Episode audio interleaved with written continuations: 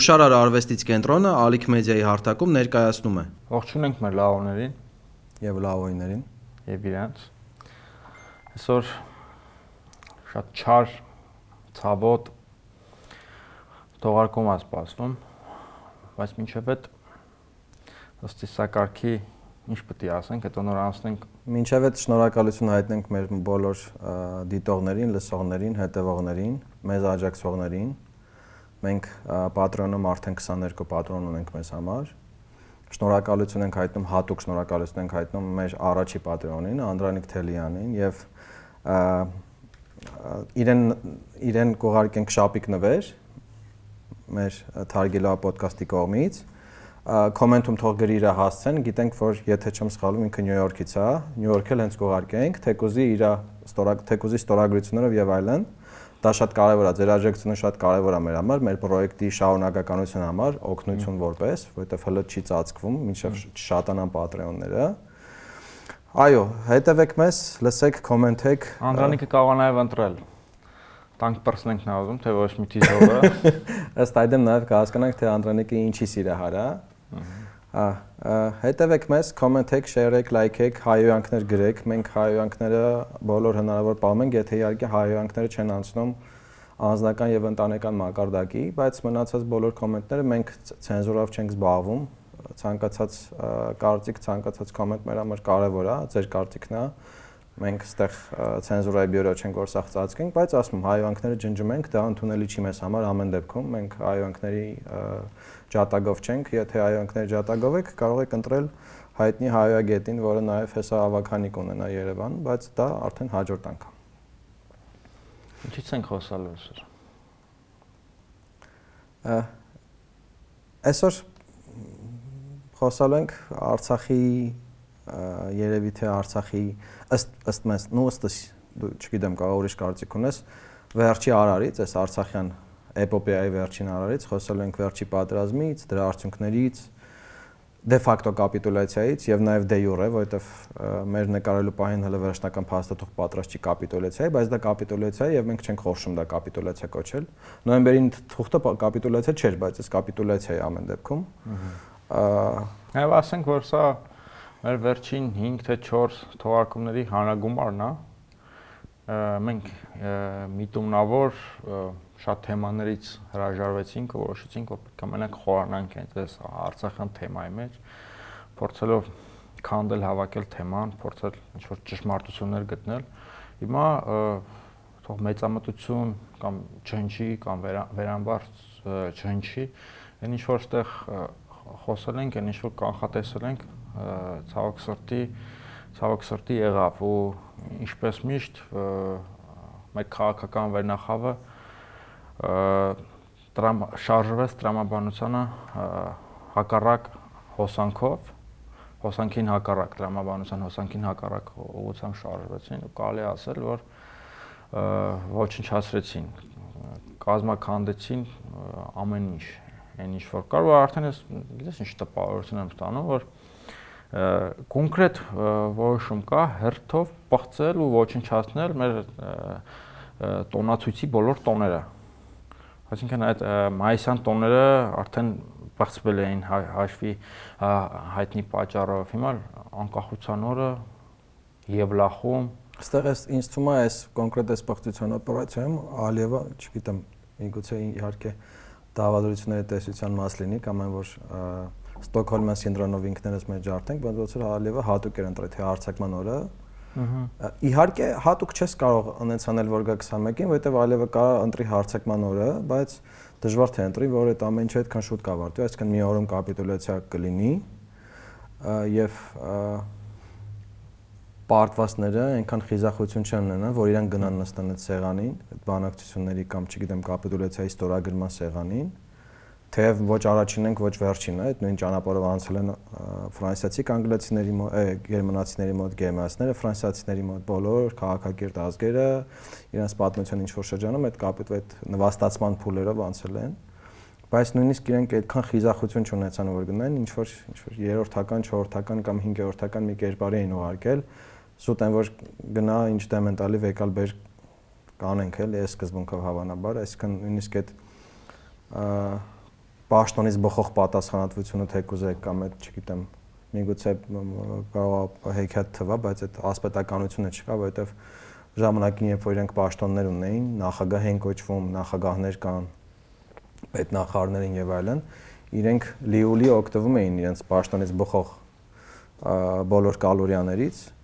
պաշտոնից բխող առավելություններից, լիուլի էին օգտվում, իսկ այն պահին, երբ որ իրենք իրենց պաշտոնը դնեին զոհասեղանին, առնվազն փորձ անեին, ասեին ախպեր Արցախի պետության դեմ եք պատերազմը, ես Արցախի պետության ղեկավարն եմ, ես Արցախի պետության ընտրված նախագահն եմ, ես եմ եկել եմ ձեր մոտ, դատում եք, դատեք, դաժե նույնիսկ դրան խիզախություն չունեցան, ես չեմ ասում որ գնային իրանք ասեին դատեին Արցախ Արցախ հայերի տարապանքները ավարտվելու էր կամ Ալիևը քաղցրաշկը վեր սկսելու նայել Արցախ հայերին ու չեր անելու այն ամեն ինչը որ մենք հələ կխոսենք այսօր եթերում բայց մենք նույնիսկ դա չտեսանք մենք նույնիսկ դա չտեսանք ու այդ մարդկային որակների մասին է խոսում, այդ նաև պաշտոնի պատասխանության մասին է խոսում, այդ նաև այդ ինստիտուտների բովանդակազրկության այդ սիմուլակր վիճակի մասին է խոսում, այդ խոսումը համ, համատ էլիտաների դավաճանության մասին։ Էլիտաների, որոնք անունով են էլիտա, այսինքն էլիտաները, որոնք ոչ թե մտածում են իրան ժողովրդի մասին, ինչպես անեն, որ նվազեցնեն նույնիսկ, նո, որովհետև պարտությունն էլ է, պարտությունն է կարելի է պատվով ստանալ պարտության տրանսֆորմացիան կարելի է պատվով ստանալ։ Նույնիսկ այդ զենքերի հանձնումը, զինաթափումը, հա, այդ ամեն ինչը կարելի է պատվով անել, այդ ամեն ինչը կարելի է նույնիսկ պարտությունից, նույնիսկ ջաջախումից հետո ցավակցում ենք բոլոր զոհերի եւ վիրավորների ընտանիքներին եւ հարազատներին նաեւ, բայց դա չարվեց նույնիսկ։ Մենք ամենանավանականությամբ նույնիսկ էսթետիկ պարտվել չգինենք, քանի որ այդ շատ լավ թեմա է բացեցի, ես եմ փոքր փոքրիկ ակնարկ կանեմ։ Ես օրինակ Հայաստանի իշխանության Նիկոլ Փաշինյանի վրա ոչ այնքան չարացա ոչ թե պարտու ոչ այնքան պարտության պատճառով խոսքը 2020 թվականի նոյեմբերի 9-ի մասին է։ Նորմալ է պարտվելը։ Ստացվում է բոլոր քաղաքակիրթ երկրներն էլ պարտվում են։ Պարտվելը դա դատավճիռ չի, բարոյական է, պատահում է, կարա պատահի, այդ բոլոր այդ սխալները, պատճառները եթե մի կողմ դնենք։ Բայց այն ինչ որ արեց Փաշինյանը, նոյեմբերի 9-ից հետո ազգայնացնել ջարդարար օլիգարխների գույքը եկել է քաղաքացու վրա ժամանակը այդ դա արդեն նողկանք սկսեց առաջացնելու հասկանալ էր որ մենք նույնիսկ մարտավարի ոչ մարտավարի պատերազմել գիտենք ոչ էլ մարտավարի պարտվել ու սա նաև այդ քո ասացի տրամաբանության մեջ լրիվ տեղավորվում է որ մարտավարի պարտվել էլ չգիտենք էլի դա դա ենք նույնիսկ դա ենք հարամում։ Հիմա ինչը բուն թեմային ասնել է, ուզում եմ այդ փոքրիկ պատմական դրվագ ներկայացնեմ Կիլիկյան Հայաստանից։ Գիտենք այդ թագավորությունը անկում ապրել 1375 թվականին, բայց միջև միջև կորցանվել է 1375 թվականի դրությամբ ինքը պարփակված էր Սիս քաղաքի, մենակ Սիս քաղաքով ու շրջակայքով, այսինքն ինչ-որ մատ փոքրիկ կղզյակ է մուսուլմանական իրականությունում, այստեղ պատմագիտական վերլուծությունը ցույց են տալիս, որ ինքը այդ կարգավիճակով կախյալ նույնիսկ հարկատու հարկատու կարգավիճակով, ինչու՞ չէ նաև նվաստացած կարգավիճակով կարող էր դեռևս ինչ որ մի ժամանակ գոյություն ունենալ, նույնիսկ վերարտադրվել։ Բայց ինչ են անում, ինչ է անում հայոց վերնախավը այդ ժամանակ։ Թագավորը ընտրում Լևոն 5-րդ Լուսինյանին։ Սա լեգիտիմ ընտրություններ, ինքը գահի լեգիտիմ լեգիտիմ գահաժառանգներ, բայց Լևոն Լևոն 5-րդ թագավորը նախ Կիպրոսի խաչակրաց թագավորության արքունիքից էր, այնտեղ սպարապետի պաշտոն էր զբաղեցրել ջերմ կապեր ուներ եվրոպական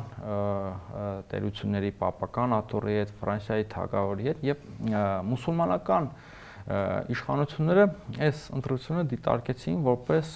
մարտարավեր, այսինքն խաչակրած հնարավոր արշավանքի սաղմնավորման փորձ ընկալեցին ու արդեն միջևերջ որոշեցին ոչնչացնել ու կազմականդել այդ այն ինչ որ մնացել էր թագավորության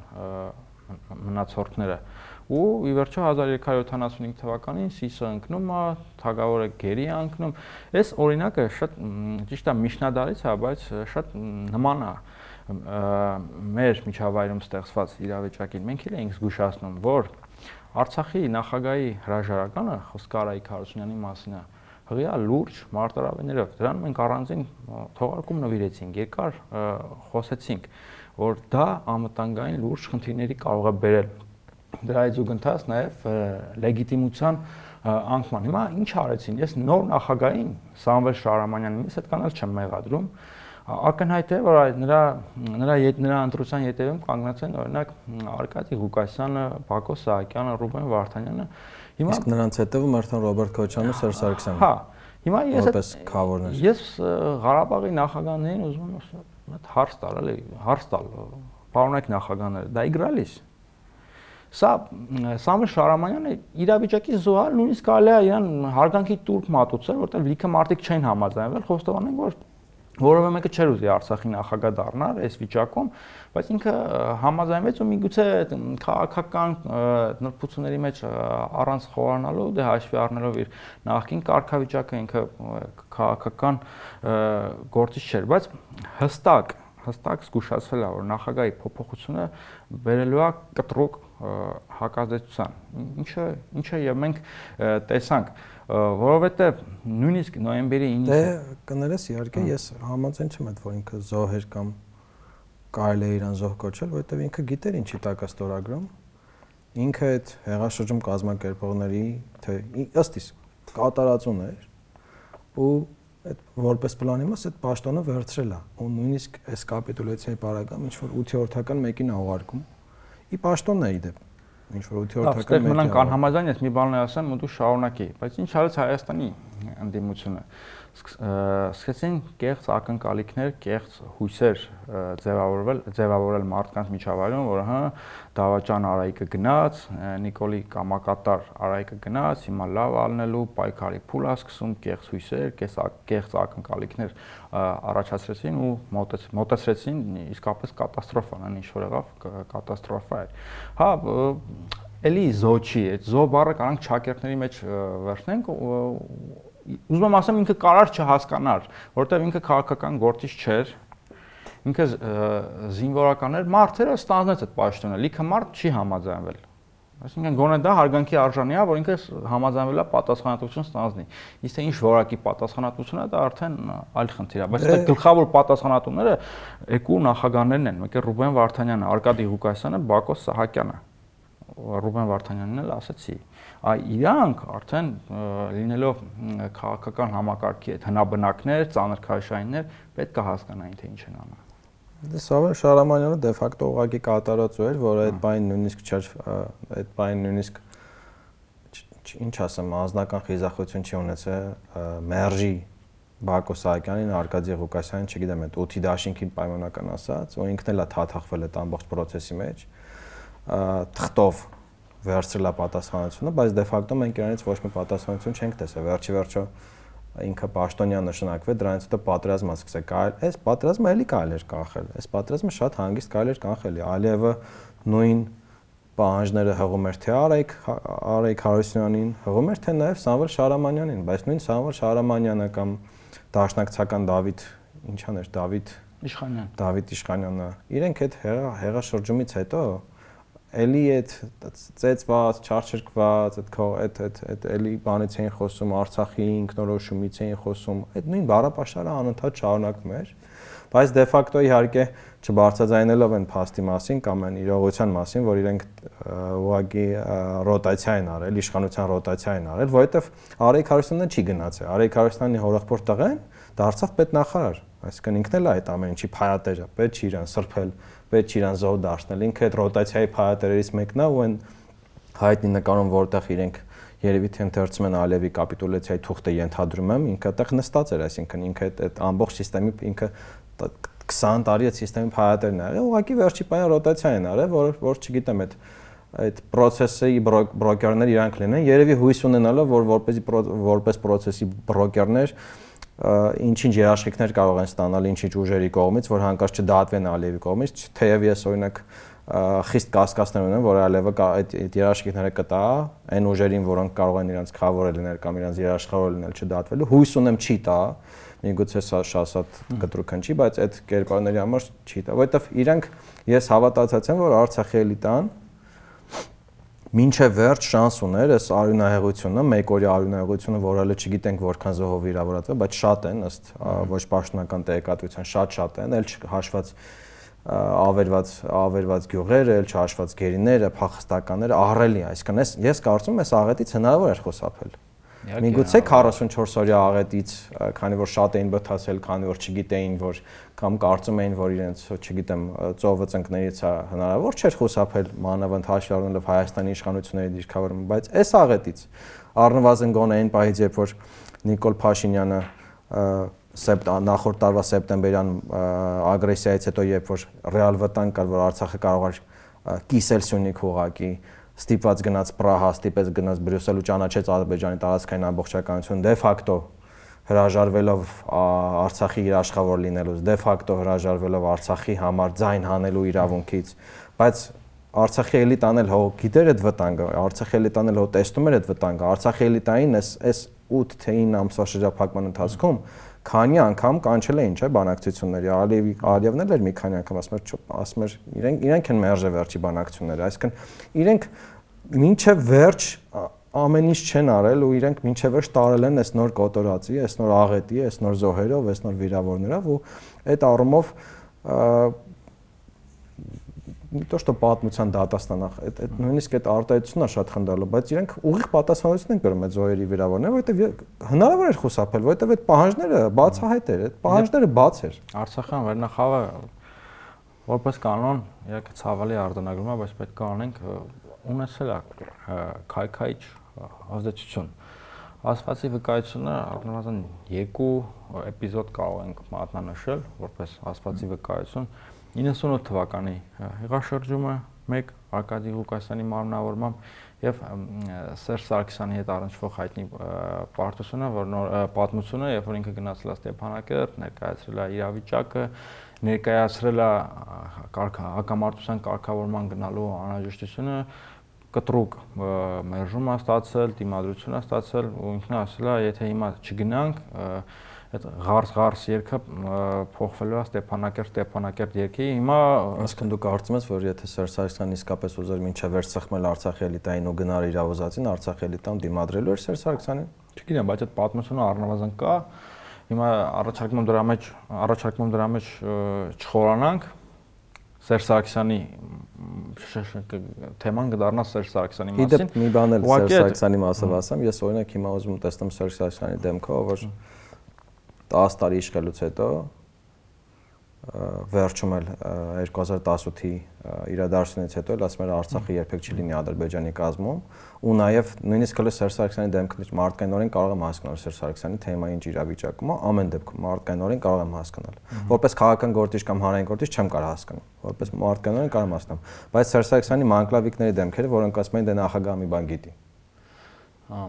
Հիմա լավ, այդ էպիզոդը չգիտեմ որքանով անկեղծ, որ ես պատմեցի, բայց այդ պատմությունը կա ու պատմել է Արցախի ազգային ժողովի նախագահ նախկին ներկայիս չէ, բայց այդ արձանագրումը անենք, որ Արցախյան քաղաքական վերնախավը քայքայիչ դերակատարություն ունեցել եւ ամենքեփ խոչընդոտել է հակամարտության կարգավորմանը։ Իսկ ինչ վերաբերում է հիմիկվա ստեղծված իրավիճակին, նույնիսկ նոյեմբերի 9-ի հայտարարությունից հետո, զինադատարից հետո առնվազն մի քանի հիմնային հնարավորություններ են եղել այս իրականությունից խոսափելու համար։ Հնարավորություն է եղել գոնե Արցախը պայել հայկական։ Այդ բոլոր հնարավորությունները մենք մսխել ենք։ Այդ բոլոր հնարավորությունները Հայաստանի իշխանությունը ու Արցախյան վերնախավը մսխել են։ Ու այս վերջերս հələ պատրաստը չէր սկսել, մատ ռուսական էլի տես քաղաքական թոք-շոու էին այո ճիշտ է ռուսական թոք-շոուների մեծ մասը էշություն են ռոպագանդիստական, բայց մեկում է ճշմարտ ճշմարտանման մտքեր հնչում են։ Դա բանախոսներից մեկը ասում էր Նիկոլ Փաշինյանը որոշել է նոր պատերազմ պարտվել։ ու բավականին այդպես զավեշտալի ու ծիծաղելի է անջում, էլի, այսինքն մենք նորից որոշել ենք պատրաստ պարտվենք, այսինքն ամեն ինչ արել ենք, որպեսզի այս վերջին աղետը մոտենա, ոչինչ չեն կարել կանխելու համար ու հիմա անվերադարձ Արցախը կարող ենք կորսված համարել ես չգիտեմ այնտեղ կկարողանա կկարողանան այնտեղ հայերը ապրեն թե չէ բայց այնուամենայնիվ հիմա օթում արկախված է մարդկանց էվակուացնելու անհրաժեշտությունը բայց ինչպես հասկանում ենք դա այդքան էլ հեշտ չի լինելու ինչպես էլի բազմիցս նշել ենք Ալիևը ունի ցուցակներ հազարավոր մարդկանց ձերբակալելու է հազարավոր մարդիկ բռնությունների միջով են անցնելու ֆիլտրացիա է լինելու ու ոնց որ թե հաշվի առնելով տարածվող հայտարարությունները Հայաստանի կառավարության ներկայացուցիչների կողմից Հայաստանն էլ այդքան շահագրգռված չի, որպեսզի արցախցիները տեղափոխվեն, Հայաստան իրենց տարածած հայտարարություններում նշվում է, որ Նիկոլ Փաշինյանն էլ իհարկե հայտարարեց, որ կարելի այս պայդրության վտանգ չի սպառնում, ռուս խաղապարները վերահսկում են իրավիճակը, կարելի է անվտանգային ու անվտանգային մեխանիզմներ ապահովել դրան զուգահեռ Հայաստանում քայքայիչ ռոպագանդա է սաղնավորվում այս հաշվի առնելով Երևանում ստեղծված այս ներքաղաքական իրավիճակը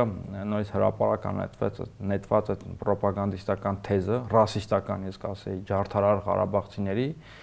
ու անդադ այդ քարոշական այդ թեզն է զարգացնում, որ Ղարաբաղցիները թող վերադառնան, գնան Ղարաբաղի համար Ղարաբաղում պայքարեն, մի խոսքով, ոնց որ թե այդ էվակուացիան էվակուացիա չի լինելու։ Այստեղ նաև շեշտենք, որ բացի Հայաստանի դիրքորոշումից, Ռուսաստանի դիրքորոշումի դեմս Վլադիմիր Պուտինը, որ ասեց հույսով ենք Ադրբեջանի գործողություններից հետո իր տարածքում, որի դե ֆակտո իրավունքը ինքը ուներ, իրանց խոսքերն են։ Խաղաղ հուն կմտնի մարդկանց կյանքը, Պեսկովը հետո հավելեց, որ ռուսական խաղապանները ամեն ինչ կանեն, որ Ղարաբաղի հայերը խաղաղ կյանքով ապրեն ու այստեղ այն որ բնական Ալիևը չի ուզի որ էվակուացիա լինի, որ հետո իրան չմեղադրեն էթնիկ զտումների մեջ, իրան չմեղադրեն հայկական Արցախը դե հայ դե դե հայաֆիկացնելու մեջ, չգիտեմ, հայազրկելու մեջ կամ որովհետև ինքը կարող է ինքը դե ֆակտո այդ մարդկանց կարող է գերի բարի ու այդ գերության միջոցով նաև շարունակի իր պահանջները պարտադրել Հայաստանին որպես գերիներ արդեն հաղթաթուղթ ունենալով նաև քո նշած դատելով, ցուցակներով, ամեն ինչով։ Նաև Ռուսաստանին ձեռ չի տալի, որովհետև եթե իրենք պաշտոնական մակարդակում խոսում են, որ արցախցիները նույն Պեսկովը, նույն Պուտինը կարող են խաղաղ ապրել Ադրբեջանում, ես մաղթում եմ, որ իրանք խաղաղ ապրեն Ադրբեջանում, արցախցիների փոխարեն գան Արցախ եւ խաղաղ ապրեն այնտեղ ու երբ որ պատերազմի ժամանակ արցախցիները ռմբակոծվում են, արցախցիները հրետանի տակ են, իրանց տներում, երբ որ ռուսական բոլոր պաշտոնյաները մինչև վերջ, Պեսկովից սկսած մինչև ամենա, չգիտեմ, Պետդումայի տարբեր կոմիտեների ղեկավարները ասում են, որ խաղապանները ոչինչ չեն կարող անել, քանի իրանց չեն կրակել, այսինքն խաղապանները բարձրացնում մենակ իրանք իրանց համար են խաղապահ, ոչ թե արցախցիների համար, այլ իրանք իրանց։ Ստեղից մենք հասկանում ենք, որ բացի այն որ Ալիևը այդ շահը չունի, բացի այդ որ Հայաստանը այդ ցանկությունը չունի, հեսակասմխի չունի, ռուս ռուսները ընդհանրապես չունեն ու չունեն, որովհետև ռուսների այնտեղ գոյության իմաստը վերջի վերջը արցախների քանակն է։ Ու մենք քանից ենք խոսացել ես մեր եթերներում նրա մասին, որ ռուսները ըստ էության թքած ունեն, թե այնտեղ 120.000 հայ կլինի, 110.000 հայ կլինի, 100.000 հայ կլինի, կիսասոված կլինեն, կիսակուշտ կլինեն։ Այնտեղ կարևորը հայերի քանակ լինի։ Նույնիսկ հիմա բարձրացումը թքացնեն նաև թե արկերի տակ կլինեն այդ հայերը, չգիտեմ, դատի տակ կլինեն, կդատվեն, կոտորվեն, ինչ կան։ Կարող են դե ինչ որ քանակի հայ լինի, որ իրենց գոյությունը իմաստ ունենա։ Ըստ որում ես չգիտեմ էլ իրենք այտենց Հիմա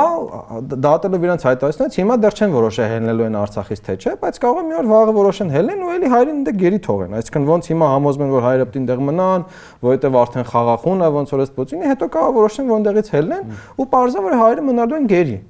հայկական կողմի բանը Փաշինյանի ասածը նույնիսկ պետք չէ լես վերջի հայտարարությունը լսել, որովհետև երբ որ մինչև այդ խոսում է արցախցիների իրավունքներից ու անվտանգությունից, երբ որ խոսում է Ադրբեջանի տարածքային ամբողջականությունը ճանաչելուց, երբ որ խոսում է որ միջազգային հանրությունն է Արցախի ըստ էության միջազգային հանրության գործիքների միջոցով, երաշխիքների միջոցով պետք է Արցախցիների անվտանգությունը, իրավունքներն ու անվտանգությունը երաշխավորվի, դա նշանակում է, որ Հայաստանը դե ֆակտո մաքրել է իր ձեռքերը, դե ֆակտ դե ֆակտո ճանաչում է Արցախի սուվերենությունը, Ադրբեջանի սուվերենությունը Արցախի նկատմամբ, իսկ այդ նշանակում է, որ նաև դե ֆակտո ճանաչում է Ադրբեջանի իշխանությունների սուվերենությունը Արցախցիների կյանքի նկատմամբ, ու բնական է, որ ոչ մի կերպ չի խառնի, որովհետև այդ դեպքում այդ հայտարարությունից հետո հատկապես կամ այդ այդ ամեն ինչից հետո, երբ որ դու ասես, որ, չգիտեմ, Ադրբեջանից պահանջում են, որ Արցախցիների էվակուացիա կատարվի, պատասխանը པարզ է։ Ալիևը կասի դու ով ես, որ միջամտես իմ ներքին գործերին։ Իհարկե։ Ճիշտ է։ Էլ չեմ ասում, որ ինչ որ տակ գլուխներ էս, այս մի մեկ օրյա պատրաստում ասում էին զորահավաք անենք, գնանք Լաչինը բացենք, գնանք Արցախցիներին փրկենք, դե ֆակտո Հայաստանին ներքաշելով պատրաստի մեջ, որովհետև դա պատերազմ Ադրբեջանի դեմ, որից Հայաստանը ամեն ամեն գնով խուսափում է, կրկնում եմ, սեպտեմբերի նախորդ տարվա սեպտեմբերյան դեպքերից հետո, երբ որ ռեալ վտանգ կար, ու այդ այդ իշխանությունները այսքան չեն գնում դրա, որովհետև բոլորիս է པարզ որ Հայաստանը ունակ չի հիմա, մանավանդես 3 տարի ոչ մի բան չանալուց հետո երկրորդ պատերազմի գնալ այդ մարդկանցով։ Հա, հա, այդ մարդկանցով երկրորդ երկրորդ անգամ պատերազմի գնալ Ադրբեջանի դեմ, այսինքն որքան էլ որքան էլ չգիտեմ, ես բառեր ուղակի չեմ գտնում այդ իրավիճակին, ինքը հիշես միջնադարյան կինոներ կային, որ երբ որ մեծ բանակները հարձակվում էին բարձր Փարիսներով քաղաքների վրա, փրկվում էին նրանք, ովքեր շուտ հասցնում էին մինչև Փարիսների փակվելը, դարպասների փակվելը մտնել այդ քաղաք։ Այդպես բազմաթիվ կինոներ կան, էլի։ Ով մնաց Փարիսներից դուրս կոտորվում էր ուղակի։ Այսինքն այդ առումով իմ ու քո բախտը կներես, բայց Կարպից ջան, իմ ու քո բախտը բերել է, որ մենք Երևանում ենք ծնվել։ Ես ամենայն հավանականությամբ, այն ինչ որ մենք խոսում ենք, էլի լինելու են մարդիկ, որ չարանալու են։ Մինչև բուն վերլուծությանը անցնելու ուզում եմ ասեմ, թե ում վրա չարանալ։ Նիկոլ Փաշինյան, Արայիկ Հարությունյան առաջին հերթին, հետո Բակո Սահակյան, Արկադի Ղուկասյան, Ռուբեն Վարդանյան, Ռոբերտ Քոչարյան, Սերժ Սարգսյան, գեներալի Ծեյետ էլիտաներ, հետո հետո վերջում արդեն նոր կարակ մեր վրա չարանակ առաջնային պատասխանատուները իրանք են ստեղծված իրավիճակի քաղաքագիտական ու փիլիսոփայական բան կա, սկզբունք կա, պրոստը չեմ հիշի, բայց բանն է, որ պատասխանատվությունը մարդկանց չափվում է ըստ իրանց ռեսուրսի։ Ով ինչքան ռեսուրս ունի, այդ այդքան պատասխանատու է։ Հիմա իմ ով ինչ պաշտպան։ Հա, այսինքն երբ որ երբ որ մեզ կմեղադրեք պղծության, ցինիզմի միգուցե, դավաճանության, ոնց ենք մենք խոսում այդպես բաների մասին, հիշեք, որ պատասխանատվությունը չափվում է ըստ ռեսուրսի, ըստ ըստ պաշտոնի։ Միանշանակ այ տենց է պետք, ոչ թե բոլորս ենք մեղավոր։ Բոլորս մեղավոր ենք արտահայտությունը թարգմանաբար նշանակում է, որ ոչ ոք մեղավոր չի։ Նույնիսկ այն մարդիկ, ովքեր տարիներով ի պաշտոնե պատասխանատու են արցախցիների կյանքի ու անվտանգության համար, ամեն գնով այդ կոնֆլիկտը լուծելու համար, բայց երկու անգամ այդ մարդկանց կոտորածով անցկացրին։ Նաև այս միտքը վերաբերվում է մեր սիրելի հայրենակիցներին, արցախցիներին ամեն անգամ իհարկե ձեր իրավունքն լավ լավ է կանում երբ որ Նիկոլ Փաշյանին ասում եք դավաճան դրա այդ զուգահեռ հատ նախագաներին հարցրեք հերթով հերթով անունները հերթով տվեք այսինչ այսինչ արեցիք լավ ստեղծված իրավիճակի համար ես երկու առանցքային պատճառ եմ առանձնացնում հիմա երկուսն է ասեմ ու առանձին առանձին հասկանամ առաջինը նոյեմբերի 9-ի հայտարարության սխալ ընթերցանությունը այսինքն ես արդեն 2.5 տարի այդ թեմայով բացառապես այդ թեմայով հա հարցազրույցներ են վարում, ով ոնց ուզում է դա մեկնաբանում է, ով ում մոտ ում ոնց ձեռքա տալիս, այդ նոյեմբերի 9-ի հայտարարությունը դարձավ ինչ որ ներքաղաքական ռոպագանդիստական ինչ որ գործիք, իշխանությունը իր ձևով մեկնաբանեց ընդդիմությունը ընդհանրապես ուրիշ կերպ մեկնաբանեց եւ երկրորդ սխալն էր եւ Հայաստանի եւ Արցախի, երբ որ 100%-ով վստահություն կար ռուսական գործոնի նկատմամբ։ Իհարկե հիմա արդար ամենայն արդարության մարտիկ քննադատում են Ռուսաստանին եւ ռուս խաղապարներին, բայց ես սիրում եմ խնդիրը տեսնել մեր մեջ։ Իհարկե իրանք մեղավոր են, իրանք իրենց պատասխանատվությունը չկատարեցին, ես նույնիսկ հիմա իրանք կարող եմ հայովել, բայց ֆունդամենտալ սխալը մերն էր չէր կարելի 100%-ով վստահ լինել ռուսական գործոնի վրա, որովհետև ապրելով խորհրդային միության այդ կարծրատիպերի մեջ մարդիկ միջև հիմա իրանց զգում էին այդ սովետական անձրևանոցի տակ ու մտածում են թե կա ռուսական դրոշ ուրեմն ոչինչ երբեք չի կարող պատահել ռուսական դրոշի արկայությամբ ճանճ չի կարող թռնել ես ուզում եմ այդ պատերազմական իրավիճակից մոտ պատմություն պատմեմ, երբ որ ես պատերազմի մասնակցել եմ Ղարաբաղցիների հետ միասին։ Ես մի Երևանցի ու լիքը Ղարաբաղցիների։ Հետո Արթուր։ Հա, իմ ընկերները։ Հա, առաջին նախագահի տղան, առաջին արտգործնախարարի տղան մի հատ անդադ խոսակցություններ են լինում, բանավեճ է լինում Արցախյան վերնախավը քաղաքական, նորից այդ նույն մարտիկ սովորական Արցախի ժողովրդին համոզել համոզել էին, որ բոլոր հարցերը կլուծվեն, երբ որ ռուսը գա։ Սա ինչ որ մատ չգիտեմ, սերմ կրեդոյի կարգավիճակ ունեցող բան էր, ասում եմ, սաղ մի կողմ, ռուսը գա, բոլոր հարցերը կլուծ, այսինքն նորից այդ քարոշչական թեզերով դա իրանք հիմնավորել են ու մարտիկ փաստացի այդ այդ հույսով էին ապրում։ Կներես նույն Արայիկ Հարությունյանը։ Արցախի բոլոր պաշտոնյաները։ Հայաստանի իշխանությունը բոլոր պաշտոնյաներով։ Նախկին նախագահները իրենց ազդեցության կատարածուներով։ Նոյեմբերի 9-ից հետո, երբ որ հազարավոր, տասնյակ հազարավոր արցախցիներ Հայաստանում էին, համոզեցին ու այդ մարդկանց դե ֆակտո ալտերնատիվ չառաջարկելով մնալ Հայաստանում, իմանալով որ կա այդ վտանգը, իմանալով որ Ռուսաստանն իրանց երաշխավորը չի, դեռ պատր 44 օրվա պատերազմ մնաց է։ Այդ ամեն ինչը տեսնելով, այդ մարդկանց համոզեցին հետ ուղարկեցին Արցախ։ Ինչի՞ համար։ Դե ֆակտո գերության, որ շարունակեն իրանց այդ հարցը էլի, որ շարունակեն իրանց պաշտոնները վարել, որ շարունակեն Հայաստանից անհատույց տրվող գրանտ կուզեք, օգնություն կուզեք, փող կուզեք, կիսել իրար մեջ, լափել, ինչ կուզես։ Ու նույնիսկ հիմա, այս մեկ օրյա աղետից հետո, նույնիսկ հիմա առանց ամաչելու խոսում են էլի արցախցիների ընդե մնալու մասին։ Ես ուղղակի չեմ հասկանում, այդ մարտիկ, որ այդպես բան են ասում։ Իրանք մի օր կապրեն այնտեղ, մի օր Մի ժամ, ախպեր։ Մարտիկան Արցախի Ջավախքի հետ են համեմատում։ Հա, մի օր չեմ, մի ժամ չեմ ասում, մի օր չեմ ասում, մի ժամ կապրեն այնտեղ, կամ նույնիսկ պաշտոնյաներ կան, նախկին պաշտոնյաներ կան, այն Դավիթ Բաբայանը, չգիտեմ ինչ անուն տամ, վիրավորանքի այտենց սպեկտր չկա, որ ես այդ մարդուն բան անեմ։ Երբ որ երբ որ Պուտինն ու Պեսկովը ռազմական գործողությունների ժամանակ ասում են, որ Ադրբեջանը դե ֆակտո իրավունք ունի անի ինչ որ անում Արցախում, դե գործողությունների ժամանակ Դավիթ Բաբայանը հելում ասում է մենք ռուսների միջնորդությամբ գնացինք բանի բանակցությունների ախպեր Ինչ ռուսների միջնորդությամբ, ինչ բանակցություններ։ Ուղղա ձեր կապիտոլացիան, ձեր կապիտոլացիան կանչել, ձեր խաղապահները որպեսզի չթողեն դուք կոտորվեիք, ասեցի, այդ կոտորվելու ժամանակ ձեր խաղապահների ղեկավարը կոտորվելու ժամանակ հելավ ասեց լավենանում կոտորում են իրանց տարածքն, որ ասում բանա, իր իրականիկն է, չգիտեմ, ինչ կուզեմ կանեմ կամ։ Դա լեգիտիմ հարցադրում է, որը երբեք չպետքա ժամկետանց դառնա։ Այդ հարցը միշտ պետքա տալ ինչի համար այդ մարդկանց ուղարկեցիք նորից Արցախ, եթե ամեն ինչ սենց պետք է լիներ։ Հիշում ես նույնիսկ 100 տուն Արցախում ծրագիր կար, Արցախի վերաբնակեցման ծրագիր կար, Արայք Հարությունյանը նոր էր փողերը ստանում 2020 թվականին, 21 թվականին տեսահոլովակներ էին սարքվում Արցախի հանրային հերոստանգերությամբ, Հայաստանի հանրային հերոստանգերությամբ այդ այդ որ զարթոնք է, շինարարություն է, նորից ծաղկում է, այդ լավ ես դու երրորդը, չորրորդը, 5-ը, 10-ը, 20-ը գիտենք, որ այդ 44-րդ պատերազմից հետո Արցախի Արցախի մեր պատկացած Արցախի, հա, մեր պատկացած Արցախայերի կյանքի այդ այդ ստատուս քվոն այլևս գոյություն չունի, ու այլևս քայլ քայլ կուլա տալու ամեն ինչ,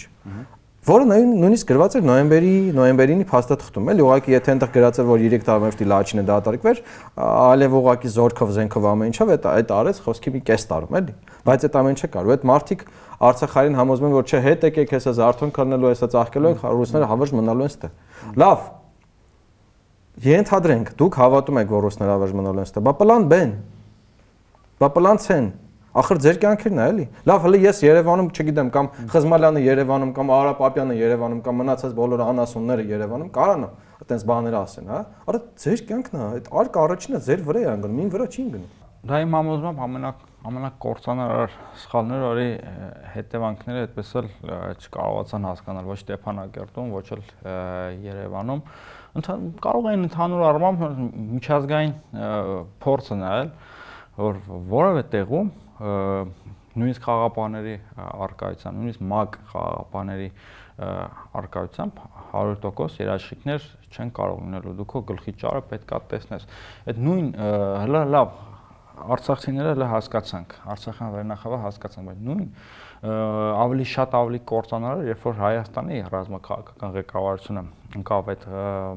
մոլորության մեջ այսինքն այդ հարցը Հայաստանի իշխանության հարցն է, բայց այդ պահին գոնե, երբ որ ինքը պահեր փոխարեն փոխարեն այդ հարցով զբաղվել, այդ հարցի կարգավորումը կամ գոյությունը ամբողջությամբ պատվիրակեցին ռուսներին այն համոզմունքը նորից ունենալով, որ եթե ռուսները այնտեղ են, վсё վերջացավ, դա ռուսների հարցն է, մենք էլ դրա այդ գործ ունենք, մենք կարող ենք զբաղվել մեր, չգիտեմ, թոշակներով, մեր ասֆալտով եւ այլն։ Սա կորցանար իսկապես կորցանարար մոտեցում է, ինչի հետևանքները մենք հիմա վայելում ենք։ Իդեպ այս ամեն ինչի մեջ մեղավորության այդ առուսի բաժինը Նիկոլ Փաշինյանինն է որովհետև ինչա նախ իր նախ ինքը պետքա գնա հրաժարական տա իր իշխանության հետ միասին որովհետև իր արտաքին քաղաքական կուրսը արդեն երկրորդ անգամ ամբողջությամբ տապալվել է նախ ինքը առաջին անգամ տապալեց պատերազմը էլի իր արտաքին քաղաքական կուրսի հետևանքով էր տապալեց նաև խաղաղության դարաշրջանի հաստատումը ու եթե ժամանակագրությամբ վերցնենք ինքը ինչ էր անում ոնց գնաց 2021 թվականի ընտրություններին չգիտես ինչու խոսում էր Հադրութի, Շուշիի դեօկուպացիայի մասին, իրենց նախընտրական ծրագրում, որը միջև հիմա կա, արկա էր անջատում հանուն փրկության թեզը եւ այլն եւ այլն։ Ինչի համար էր այդ ամեն ինչը ինչի համար էր ինքը այդ ծրագրով գալիս։ Արդյոք չէր հասկանում, որ այդ ամեն ինչը հնարավոր չի կամ հետո, երբ որ ազգային ժողովում էլի ծրագրային ելույթ ունեցավ, ասում է նշածողը իջեցնենք, ապահովենք Արցախի եւ Հայաստանի շուրջը կոնսոլիդացիա ուրա կոնսոլիդացիան։ Այս էր կոնսոլիդացիան, երբ որ ամբողջ աշխարհը կոնսոլիդացվեց ադրբեջանական ագրեսիայի շուրջ, այսինքն այդ ագրեսիան ընկալվեց որպես որպես լեգիտիմ։ Այսինքն ամբողջ իր քաղաքական կուրսը տապալվել է ու միանշանակ այն ինչ որ եղավ Արցախում, ու այն ինչ որ լինելու է, չի կարող անհետևանք մնալ։ Հիմա իշկանել այդ քարոշչական թեզերը զարգացնեն այդ հեղաշրջման սպառնալիք, ինքնիշխանություն, դա էլ էլի ոնց որ արդեն էժան փչացած պլաստիկա լինի, որովհետև ինչ ինքը եկել է իշխանության, անդադ այդ հեղաշրջման այդ սատանայի միֆը ինքը բան անում շահագործումա, շահագործումա ու շահագործումա։ Չգիտեմ, սկզբում Վանեսյանին հանրարարում էր, չգիտեմ, սև շորերով, չգիտեմ, սատանաների, սատանաների ворսանից, չգիտեմ, երբ ինքը ներն է անգնում, անդադ ինչ-որ մատ հեղաշրջման միֆա ստեղծում, փորձելով իր շուրջը մարդկանց կոնսոլիդացնել կամ այդ ինքնիշխանության կամ անկախության, պաշտպանության այդ առաքելությունը, այսինքն վերցնես, վերցնես ու ասենք կորցանես ինքնիշխանությունին, կարգի որ Հայաստանը ընդհանրապես դաթարի գործոն լինել ու հետո ինքդ քեզ հրճակես որպես ինքնիշխանության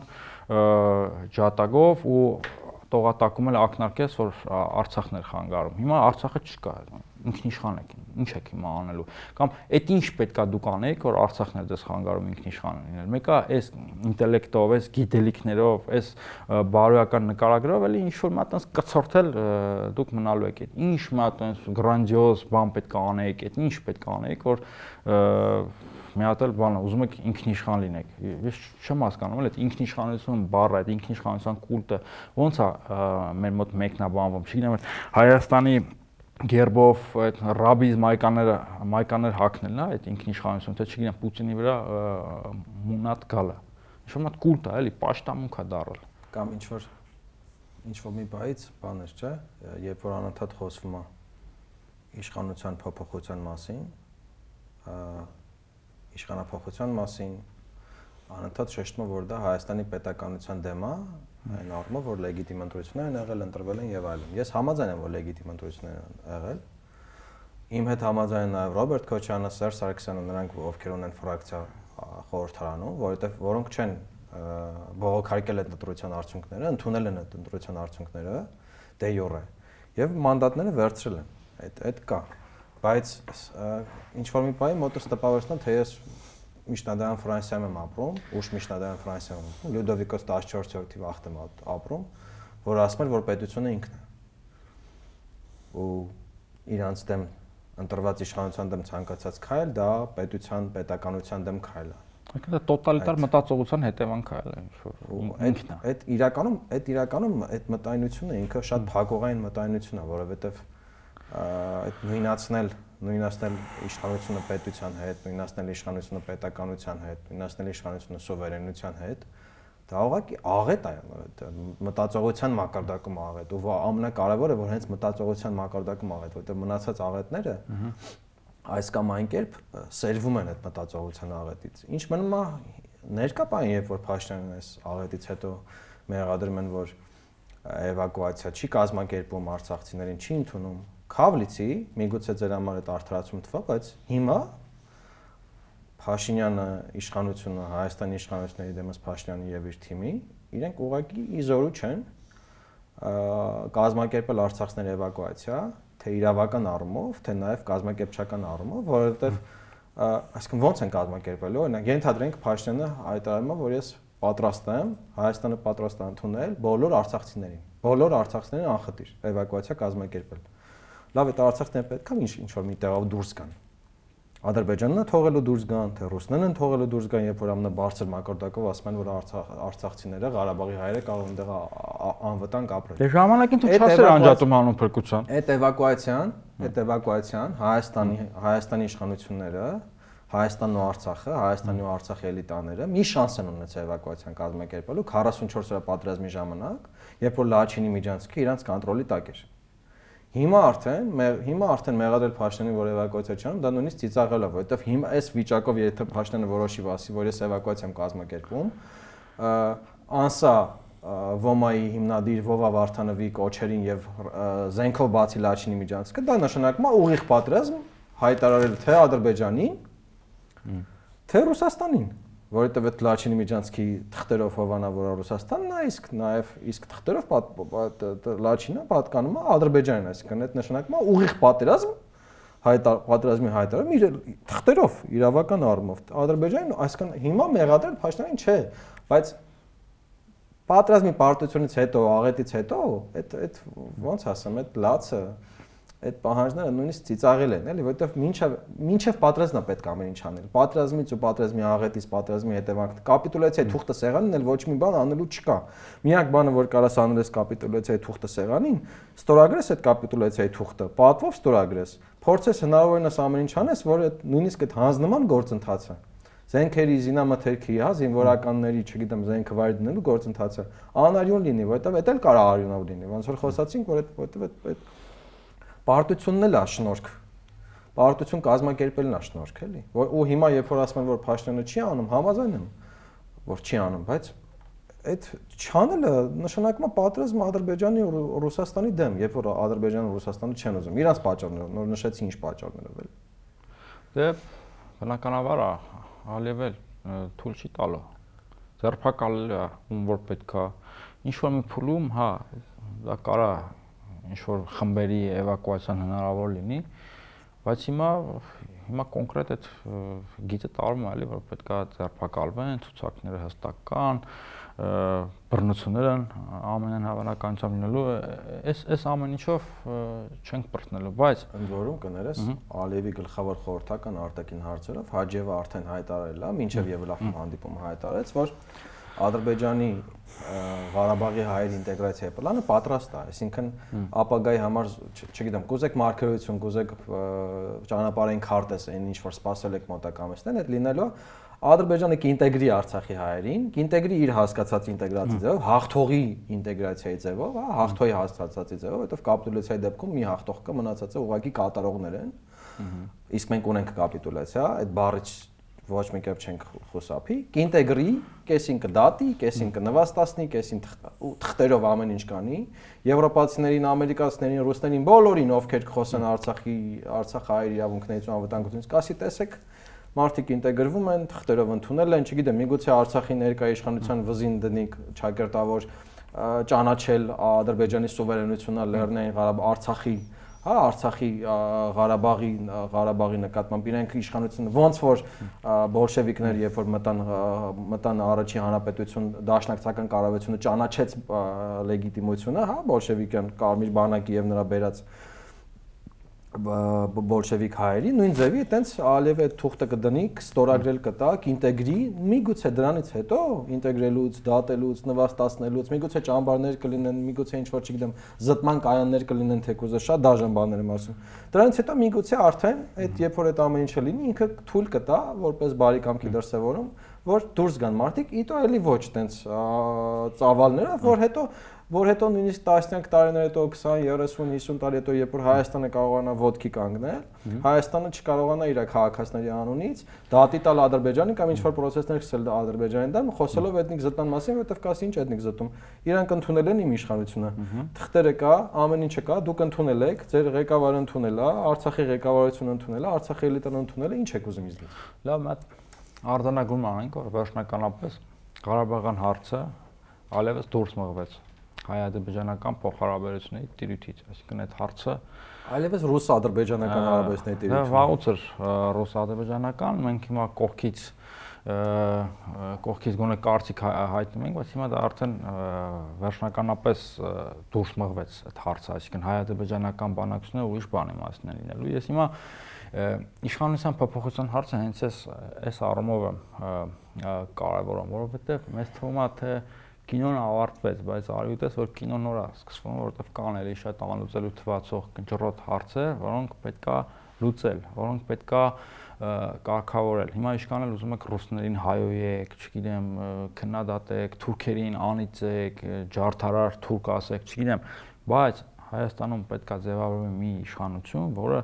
ունակ կլինի խոսել ռուսների եւ թուրքերի հետ, որը ունակ կլինի լուծել պետության արժեվ ծառացած մարտահրավերները։ Մենք ունենք անկլավների խնդիր, մենք ունենք միջանցքի խնդիր ու պատկերացրու այս իշխանական ադրբեջանցի փախստականների վերադարձի խնդիր։ Տասնյակ բարդ խնդիրներ ունենք ու պատկերացրու այս իշխանությունը ոնց է լուծելու, պատկերացրու ոնց է լուծելու Ղարաբաղի օրինակով, թե ոնց սկզբում անջատում հանուն փրկության պատերազմի վարման օրինակով։ Սկզբում բանը անջատում հանուն փրկության, հետո նշաձողի իջեցում կոնսոլիդացիայի համար, հետո սենց փուլերը, նայ, այսինքն տարել են աղետի անպատասխանատու կերպով մեր հայրենիքն է հիմա Յարխուշտապ Շուշիում հիմա նույն բանը սպասվում է Հայաստանի հետ առնչվող հարցերին նույն տրամաբանությամբ էլի եթե այս քաղաքականությունը շարունակվեց, այս անպատասխանատու անհետևողական քաղաքականությունը էլի սպասվում են զոհեր, էլի սպասվում է այրում, սպասվում են ավերածություններ, որովհետև 1900-ի մեծ Ղարաբաղից շատ ավելի բարդ հարցեր են կուտակվել։ Դա այդ Միչանսկի հարցը Ղարաբաղից այս պայդրությամբ շատ ավելի բարդ հարց է, չեմ ասում կարևոր, բարդ ու անլուծելի, որտեղ ստեղ արդեն լրիվ ուրիշ շահերի բախում կա, ստեղ արդեն ուղղակիորեն կա Թուրքիա, ստեղ արդեն կա արդեն ուրիշ մարմնավորմամբ Ռուսաստան, դե Ադրբեջանի մասն է, խոս չկա, այստեղ պետք է Իրանն է պոտենցիալ Հայաստանը Սիրիա սարքողը, եթե հանկարծ այդտեղ միջանցք բացվեց, որտեղ իրանք հայտարարում են, որ իրանք համար կարմիր գիծ է, կարմիր գիծ թարգմանաբար նշանակում է, որ եթե ինչ-որ մեկը որոշի զոր կողից ունենք, մենք է զոր կկողենք ունենք, իսկ այդ նշանակում է Հայաստանը դառնում է Սիրիա մեղմ ասած։ Այստեղ այստեղ իսկապես պետքա շատ լուրջ պատրաստված իշխանություն ու նենց Շարլ Միշելի, չգիտեմ, Բլինքենի այդ քաղցր խոսքերը շատ սրտին մոտ չընդունող իշխանությունն է պետք, որովհետև տարածաշրջանում ստատուս քվոյի ճարտարապետները Ռուսաստանն է ու Թուրքիան, Ռուսաստանն ու Թուրքիան են, ու ստեղ ես նաև ուզում եմ, քանի որ Իրանի մասին խոսեցի, ընդհանրապես պետք չի շատ են մարդիկ գերագնահատում Իրանի դերը։ Իրանը ինձ թվում է տարածաշրջանում երկու խնդիր է իր համար լուծում։ Նախ փորձում է ինքը տորտի փոքրիկ փոքր կտորի փոքր կտորի փայատերն է, այսինքն հիմնական փայատերը Թուրքիան ու Ռուսաստանն են տարածաշրջանում։ Ինքը ասենք 60-30-10 էլի դա։ Հա, ինքը ինքը շատ փոքր խնդիր է լուծում։ Նախ փորձում է կանխել իր դեմ հնարավոր կոալիցիաների հնարավորությունը, ինչը կարա լինի ու Իրանի թիմը Ինչը կա Իսրայելի, Ադրբեջանի, Թուրքիա։ Կա նաև Ռուսաստան, Թուրքիա ամեն ինչ հնարավոր է։ Ու նաև Իրանի թիմը սպառնալիք սպառնալիքներից մեկը ավիահարվածներն են, ինքը փորձում է չեզոքացնել իր դեմ ավիահարվածների համար նախատեսված հնարավոր բազաների գոյությունը, այսինքն տորտի կտորից ինքը շատ փոքրիկ կտոր ունի, շատ փոքր հատված ունի տորտից, հիմնական ճարտարապետները ռուսներն ու թուրքերն են։ Իրանց հետ պետքա խոսալ, բայց իրանց հետ արդեն պետքա լուրջ մարդիկ խոսան ովքեր որ գիտակցում են պայլրջությունը, վտանգավորությունը, այս տրամաբանությամբ նորից եմ ասում, մենք նախապատրաստում ենք նոր զոհեր, հազարավոր զոհեր ու ավերածություններ ու Հայաստանի տարածքային ամբողջականության կազմակերպում։ Ոստայության Հայաստանը կարա դառնա միջանցք պետություն։ Այսինքն երասխից հետո Հայաստանը վերջանալու է, ինչ որ չգիտեմ, Էսկադանարի, խողովակների երկիր է դառնալու այս տրամաբանությամբ։ Ավելի վատ։ Ավելի վատ։ Լավ, ես հիմա ինձ կդնեմ ժողովրդավարության եւ սուվերենության պաշտպանի ամպլոյի մեջ եւ քեզ հարց կտամ, կխնդրեմ պատասխանես մեր հարցերին, որովհետեւ հավանաբար մեր սիրելի դիտողները, լսողները, լաոները եւ լաոյներն էլ այդ հարցերը կունենան։ Եթե չունեն, ես իրանց հուշում եմ այդ հարցերը, որովհետեւ այդ հարցերը մեզ սպասվում են։ Ես դու մենք միգուցե մարդիկ ովքեր մեզ հետևում են համամիտ են մեր ընկալցիկին, որ ներկապային Հայաստանի արչև ծառացված ծառացած խնդիրները, արտաքին մարտահրավերները բոլոր իրանց ամբողջության մեջ, ռուսական, ադրբեջանական, թուրքական բոլորը իրենք հարիր չեն ներկա իշխանությունների կառավարման որակին, այսինքն ներկա իշխանությունները իրենց կառավարման որակով, փիլիսոփայությամբ, մոտեցումներով հարիր չեն այդ խնդիրներին։ Ունակ չեն այդ խնդիրները լուծել, ունակ չեն այդ խնդիրներին։ Իրենք ուրիշ հարցեր են շատ ընտի լուծում։ Ասֆալտ։ Հա, այդ էլ վստահ չեմ, բայց ենթադրենք, այս խնդիրներին, որ գոնե մենք կամ մեր լսողները այդտեղ կոնսենսուս ունեն։ Ու դու ասում ես, ու շատերը ասում են, ու այդ բողոքի ալիքն էլ կա, տարբեր շահառուներով, հա, նախկիններով, ներկաներով, ապագաներով, բոլորով, որ այս իշխանությունները պետքա փոխվեն։ Որովհետև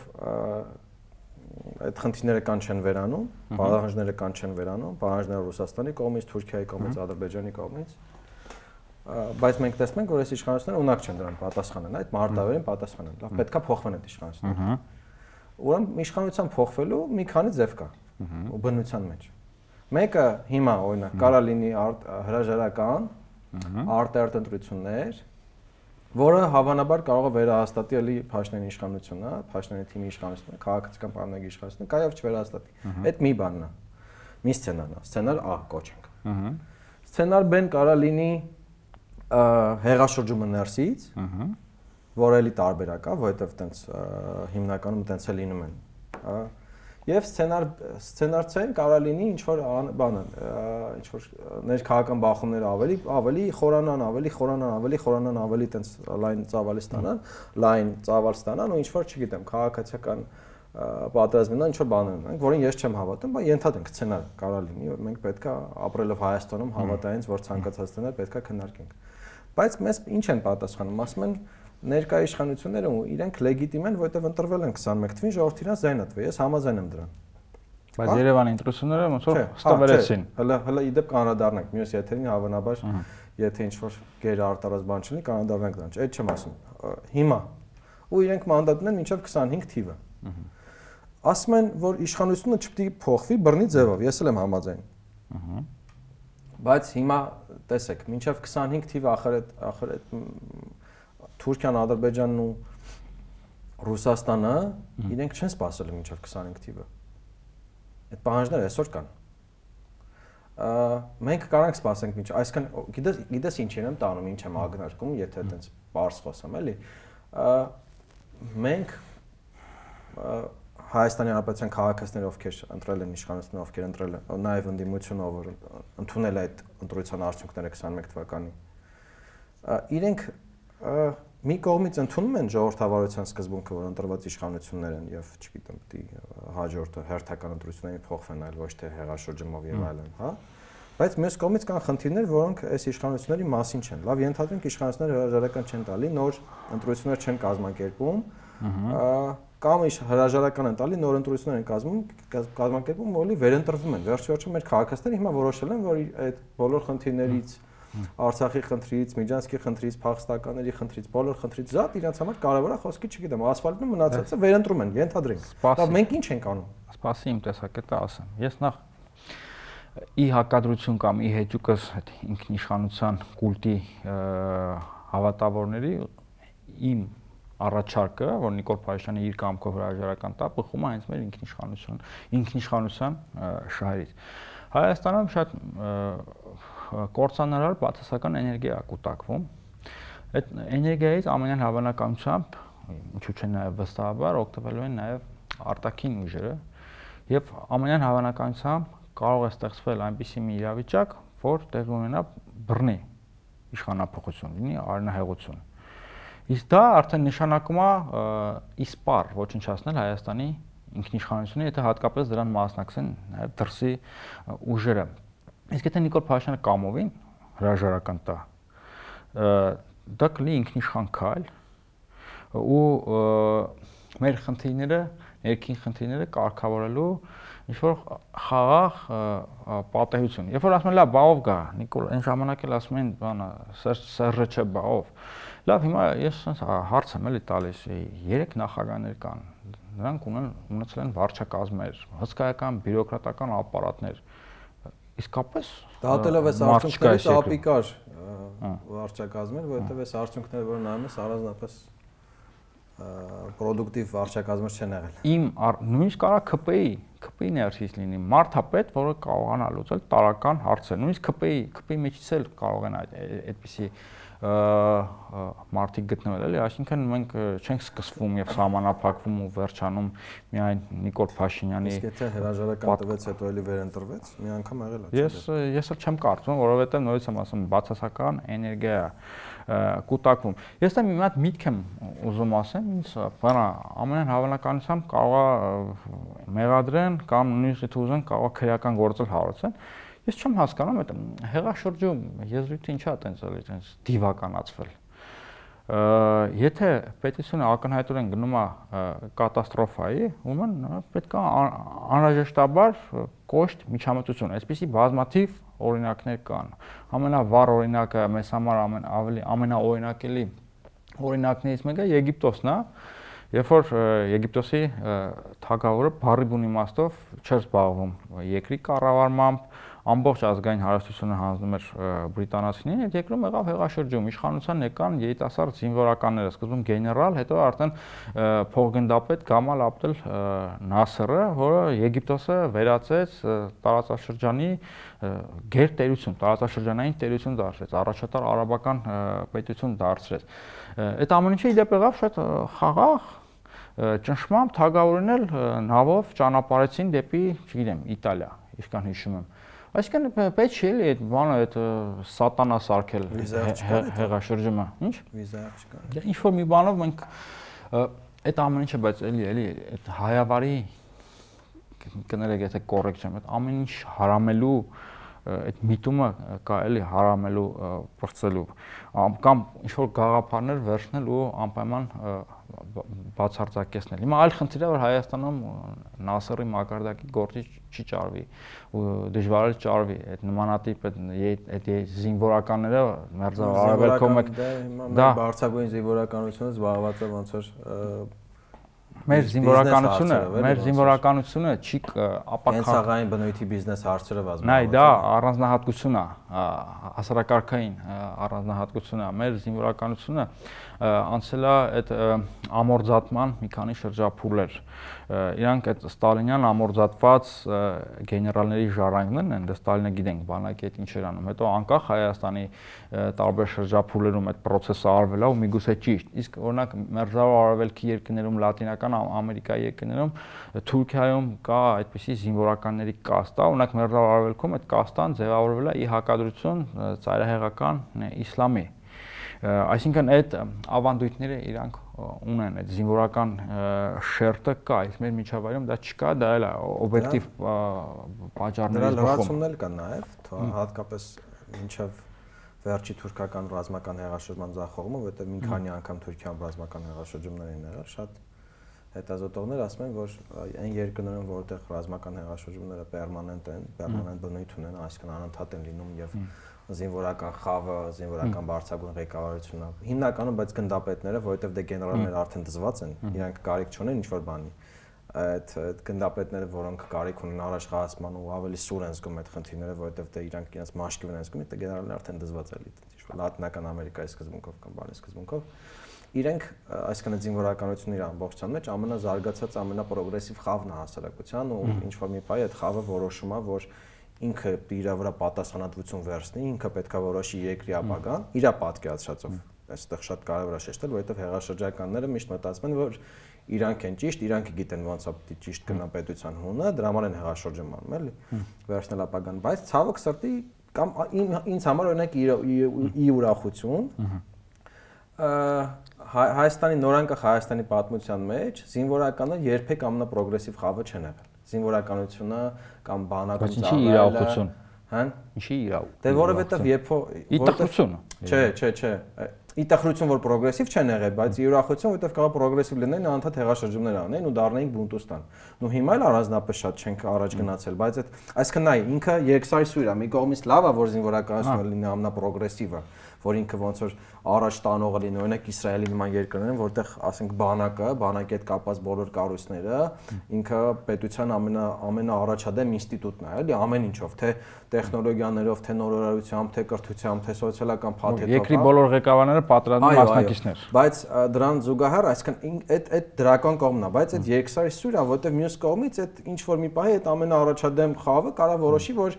ինքնավորոշողը պետության պետության ապագայի ինքնավորոշողը պետության քաղաք արտաքին ու ներքին քաղաքականության ուղղորդման գնա հեղաշրջման այսինքն այդտեղ այդ կրկնակի վտանգը կա ու հեղաշրջականների վատն է որ ասում իրանք կարող է մի պահ որոշեն որ իրանք են ճիշտ մնացածն են սխալ ու հեղաշրջում անեն հետո մի ուրիշ խումբ ու չկարանան պահել այսինքն նայ вообще ոնց է լինում դասական հեղաշրջում են անում հետո ինչ որ մի պահ էլի հանձնում են բանին քաղաքացիականներին իրանք ուղղակի վերահսկողություն են պահում հա ինչև փուլ առ փուլ տարիների ընթացքում տալիս են քաղաքացիական իշխանության, էլի, որ խունտա չդառնա, բայց մեր դեպքում կարող է մեկը վերցնի, չկարանա բայ հետո մյուսը վերցնի, հետո մյուսը վերցնի, Սիրիայից էլ բեթար, Բաղդաստին դառնա։ Դա իհարկե մարտահրավեր է, բայց մատ ուրիշ խնդիր էլ կա մեր ժողովուրդը հաշվի առնելով այս վերջին շրջանի բոլոր հիասթափությունները, պարտությունները, աղետները, էլի զբաղված է կեղծ ասպետականության փնտրտուքով։ Այսինքն փնտրում են մեկին, ով կլինի անաղարտ, ով կլինի կույս, ով կլինի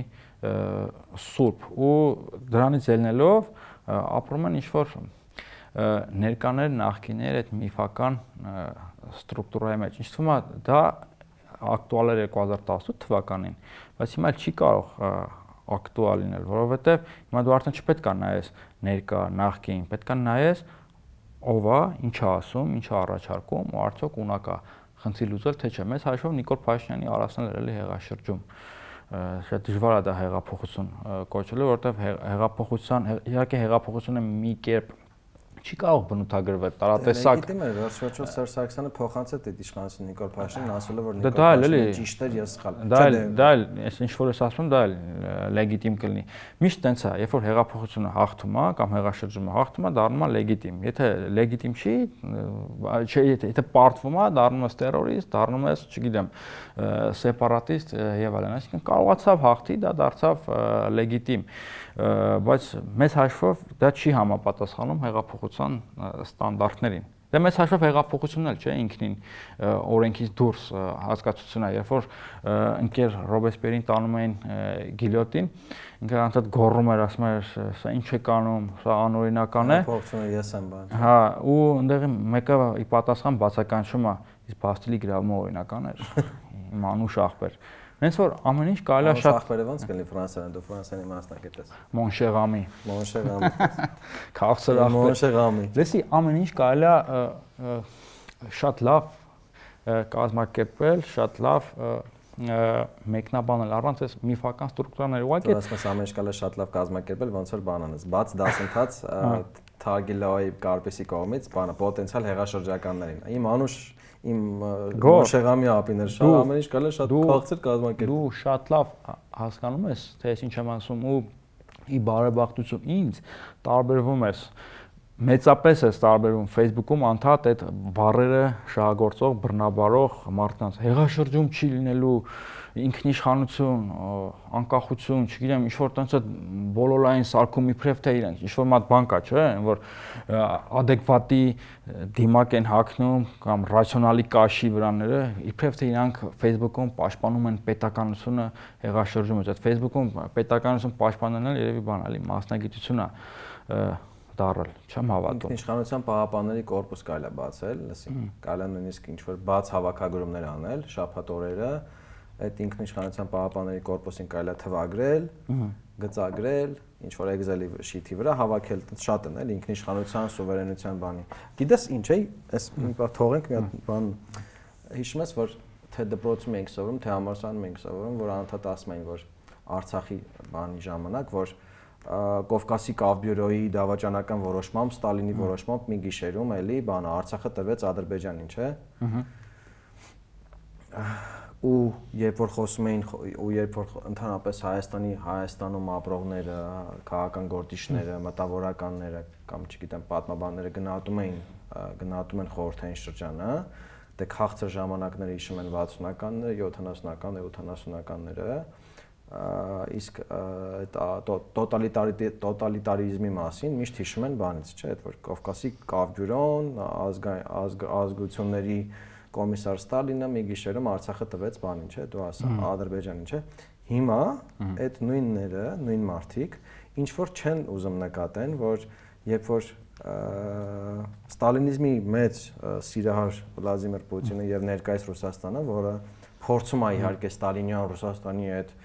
երկրորդ աշխարհի երկրորդ բևեռի, հա, այդ բանը ստանալ, բայց որը խղճուկ խղճուկ նույնիսկ կրկնօրինակը չի ինչ որ չգիտեմ, տենց մոտիկել չի նույնիսկ այդ Ստալինյան Ռուսաստանին։ Դե ֆակտո ստատուս քվոն տարածաշրջանում փոխեց կամ համաձայն էր ստատուս քվոյի փոփոխության ու արեց նույն բանը, որովհետև երբ որ դու ասում ես, որ Ալիև իրավունք ունի իր տարածքում, չգիտեմ, չակերտավոր կոտորել արցախցիներին, որովհետև չի ասում այդ բառը, բայց երբ որ ասում է իր տարածքն ինչ կուզի կանի, դա նշանակում ասում այլև իրավունք ունի վերցնել Արցախը, այդ ստացվում որ մենք 2023 թվին եկանք 1920 թվի այդ նույն կավ բյուրոյի հա լուրջ կավ բյուրոյի որոշմանը, որ ու Ռուսաստանի այս այդ շրջադարձը դեպի ստալինիզմ, հա, այդ այս պատերազմը փորձել կանխել կայսրության փլուզումը, որովհետև այդ թե ստեղ, թե Ուկրաինայում այդ դե ֆակտո կայսրության փլուզման կանխման փորձեր են, էլի։ Դե ֆակտո մենք հիմա ունենք 23 թվին նույն այդ ստալինյան 20-ի բանը ու այդ ընդհանուր պատկերը հա Ռուսաստանի շրջադարձը դեպի ստալինիզմ ու Արցախ։ Ոնց որ գիտես, ոնց ոնց որ ոնց որ Պուտինի Ռուսաստանն է այդ համակարգը վերականգնի արդարությունը, ստալինիզմի արդարությունը ու կրկին Արցախը վերադարձնի բանին, որովհետև խորթային միության փլուզումը այդ թվում նաև Արցախյան շարժման բան էր, չէ՞, այսինքն Արցախյան շարժումն էլ էր այդ խորթային միության փլուզման պատկերներից մեկը ու ոնց որ այդ խորթային միության դեմ էր էլի, այսինքն մենք անընդհատ արդարություն էինք ուզում խորթային միությունը փլուզվեց, մենք ուժով պաշտպանեցինք մեր հայրենակիցներին ու եկանք այդ արդարության ու հիմա ոնց որ այդ Պուտինյան Ռուսաստանը ոնց որ հետ վերադարձ հետ վերադարձեց այդ խորթային այդ կայսրությունը ու տենց էլի Արցախը տվեց ադրբեջանցիներին չեմ ասում այսինքն ընդհանուր պատկերի համար էլի իդեք մենք իդեպ Ստալինյան որոշումը էլի մենք չենք կարողանում ճիշտ մեկնաբանել ու բավարարում ենք միայն Ստալինի կամ մեկի մյուսի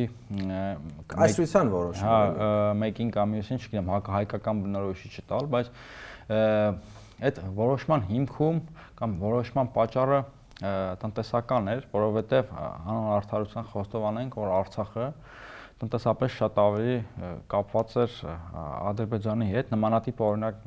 կա նաև Ղրիմի վերաբերյալ, անհետեցություն կլինի, եթե ասենք Ղրիմը առնչություն ունի պատմականորեն Ուկրաինայի հետ, Բայց ինչի համար Խրուշչովը այդպեսի որոշում կայացրեց, որովհետև Ռուսաստանի կազմում ռեգիոնը սովամահության էր մատնվել ու որոշում ընդունեց հանձնել ուկրաինական սովետական հանրապետությանը, որպեսզի այդ հարցը լուծվի, ավելի նպաստավոր կարող է լուծվել, իդեպ ուկրաինական կենտրոնը չէր համաձայնվում։ Բայց նույն ձևի այդ Կովկասյան կավբյուրոն տնտեսական նկատառումներով Նախիջևանը չթողեց խորհրդային Հայաստանի կազմը, որովհետև կարար թողեր էլի, այսինքն եթե զուտ տնտեսական լոգիկա առաջնորդել։ Կա Թուրքիայի, Թուրքիայի գործոնը այստեղ սա վճռական դերակատարություն ունի, որովհետև մինչև հիմա էլ Նախիջևանի նկատմամբ գործողություն նշանակում է գործողություն Թուրքիայի դեմ։ Դա Թուրքիայի համար, ոնց որ Իրանի համար ենք ասում, կարմիր գիծ է, բայց մի փոքր ես կուզենամ ժողովրդավարության մասին խոսալ, ինձ թվում է շատ տեղին կլինի, էլի, ես մի քանի ձևակերպում անել, որովհետև ժողովրդը այն տպավորությունն է, որ մեր միջավայրում ժողովրդավարությունը դիտարկվում է որպես շորմատ կրոն, պաշտամունքի առարկա, այլ ոչ թե համակարգ։ Այս ընկալումը խանգարում է այդ այդ արժեքային համակարգը, այսպես ասենք, ըստ Պաչաչի անցալել։ Ոնց որ ժամանակին ասվում էր, որ սոցիալիզմը սոցիալիզմի հաղթանակը հնարավոր է միայն զարգացած կապիտալիստական երկրում,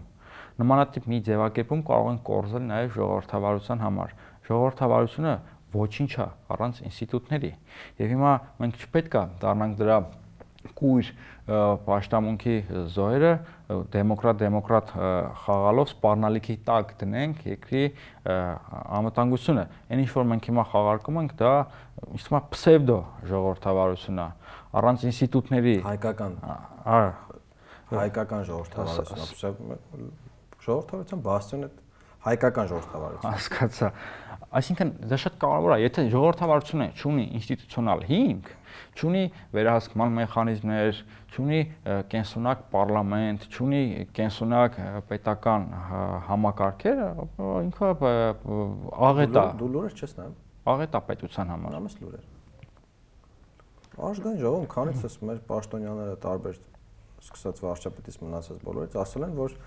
մեր մոտ ժողովրդավարությունն է եւ կառավարությունը հաշվետվա խորհրդարան է։ Դու չգիտես, որ մեր կառավարությունը հաշվետվա խորհրդարան է։ Իսկ երկրի տարբեր ժամանակներում երկրի խոսնակները, օրինակ հենց Արարատ Միրզոյանը Նիկոլ Փաշյանին հրճակում է իրեն որպես բան առաջնորդ։ Ալեն Սիմոնյանը լինելով parlamenti խոսնակ, այդպես էլ ասում են մեր ուժի առաջնորդ։ Հա, այդ առաջնորդ բառը ոնց որ մեր ուժի դու չեն, ասենց զնդումը։ Դա ինձ թվում է անթույլատրել է, որովհետև հենց ասում ենք, չէ, ժողովրդավարական բաստիոն, բա ուր են այդ այդ հավասարակշռման մեխանիզմները, ուրա parlamento, ուրա կառավարությունը, ուրա Պատկասում ես, ոնց որ անեկդոտ լինի, ասում կառավարությունը հաշվետվա խորհրդային։ Ինչ որ նախար գիտես, որ հաշվետվա ինչ որ։ Դե հաշվի առնելով այն ինչ որ մենք տեսնում ենք, որևէ մեկը որևէ մեկին հաշվետու չի, բոլորը հաշվետու են Նիկոլ Փաշյանին, բոլորը Նիկոլ Փաշյանին։ Հակառակը կարող լինի, կարող ինչ որ պատգամներ հաշվետուն են կառավարությանը։ Հա։ Ու այս ժողովրդավարությամբ մենք արժեզրկում ենք ժողովրդավարություն հասկացությունը ընդհանրապես, սրա մասին էլի ինչքան հիշում եմ խոսել ենք, այդ առաջին թե երկրորդ ոդկասթում անում ենք այն ինչ որ եղավ Ելցինյան Ռուսաստանի հետ, այսինքն պետության իշխանության սխալ քաղաքականությունը նույնականացվեց ժողովրդավարության հետ եւ աղքատ թշվառ ժողովուրդը իր դժբախտությունների առաջնային պատճառ սկսեց դիտարկել ժողովրդավարությունը դեմոկրատներին, լիբերալներին, դրսի ուժերին դրանից շատ լավ օգտվեց Վլադիմիր Պուտինը երկրում հաստատելով կոշտ ավտորիտար ռեժիմ։ Հիմա մենք մեր երկրում զբաղված ենք արժեզրկելով ժողովրդավարությունը, որովհետև եթե Հայաստանի այն աղետները, որ Հայաստանից սպասվում են, մարդիկ շուտով դա սկսելու են ասոցիացնել ժողովրդավարության հետ ու այդ փոշու, այդ ավերակների փոշի միջից դուրս են գալու մարդիկ, որոնք հիմնավորելու են թե ինչի համար է պետք ուժեղ ձեռք, երկաթյա ձեռք։ Ուզում ես ասես, որ մենք հիմա դե ֆակտո այդ Վայմարյան հանրապետության փլատակներին ենք մոտենում եւ պոտենցիալ Հիտլերներ կան ինչ որ գարաժերատներում նստած։ Լսի, ուղղակի մեր գրագետ բառասը։ Մեր մասշտաբներին համապատասխան Հիտլեր, մեր մասշտաբներին համապատասխան, որովհետեւ գերմանական նացիզմը դա զուտ գերմանական ճգնաժամ չէ։ Դա մեր հայկական համաեվրոպական էր։ Մեր մոտ ինչպես միշտ Պատկասպես մեր Հիտլերը ոնց արնել ինչ։ Ինչ մեր մոտ ինչպես միշտ լինելու է ինչ որ բան խեղկատակություն ենք մենք ամեն ինչ դարձնում։ Մենք ունենալու ենք Հիտլեր հայկական դեմքով։ Հայկական օջախի Հիտլեր ենք ունենալու։ Ու ցավոք սրտի, ցավոք սրտի դա չի լինելու ռևանշիզմ դրսի ուժերի դեմ։ Դա լինելու է Հայաստանը կազմակերպելու հերթական արարը։ Հիմա ինչի համար եմ ասում։ Պետք չի տարվել կեղծ ժողովրդավարության կուլտով, աշտամունքով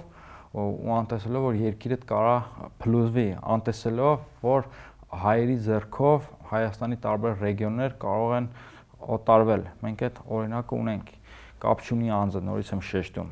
Երևույթը, երբ որ Հայաստանի Հանրապետության վարչապետը չի կարողանում մտնել Հայաստանի հարավային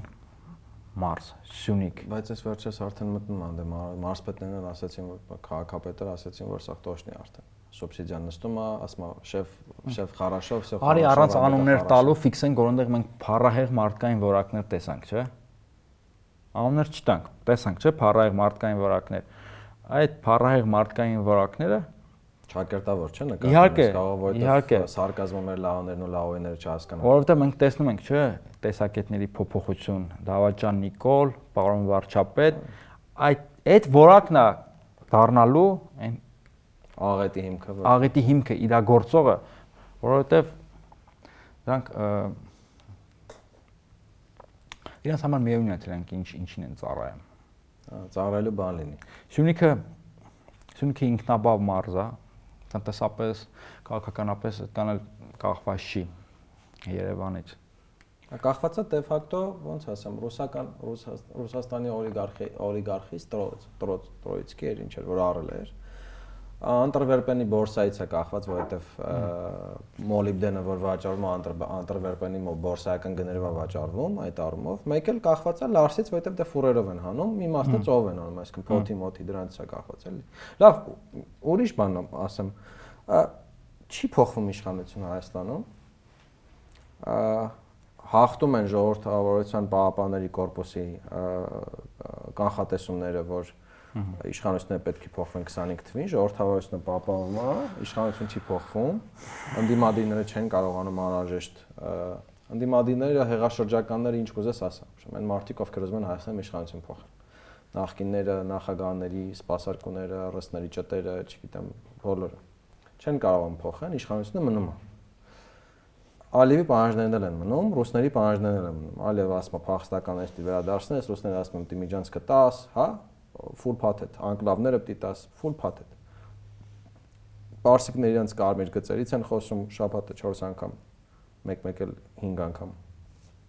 իշխանությունը մնացել է նույնը, նույն որակի, Տաթև լծեն ճանապարհը չի սարկված, Վեդի ճանապարհը սարկված չի։ Յուրեղով բանով։ Հա, խամերի, խամերի վարորդները երթևեք մեն կառույցան շենքի վրայով, կողքով, տակով, ոբշեմ, այդ full փաթեթը կա։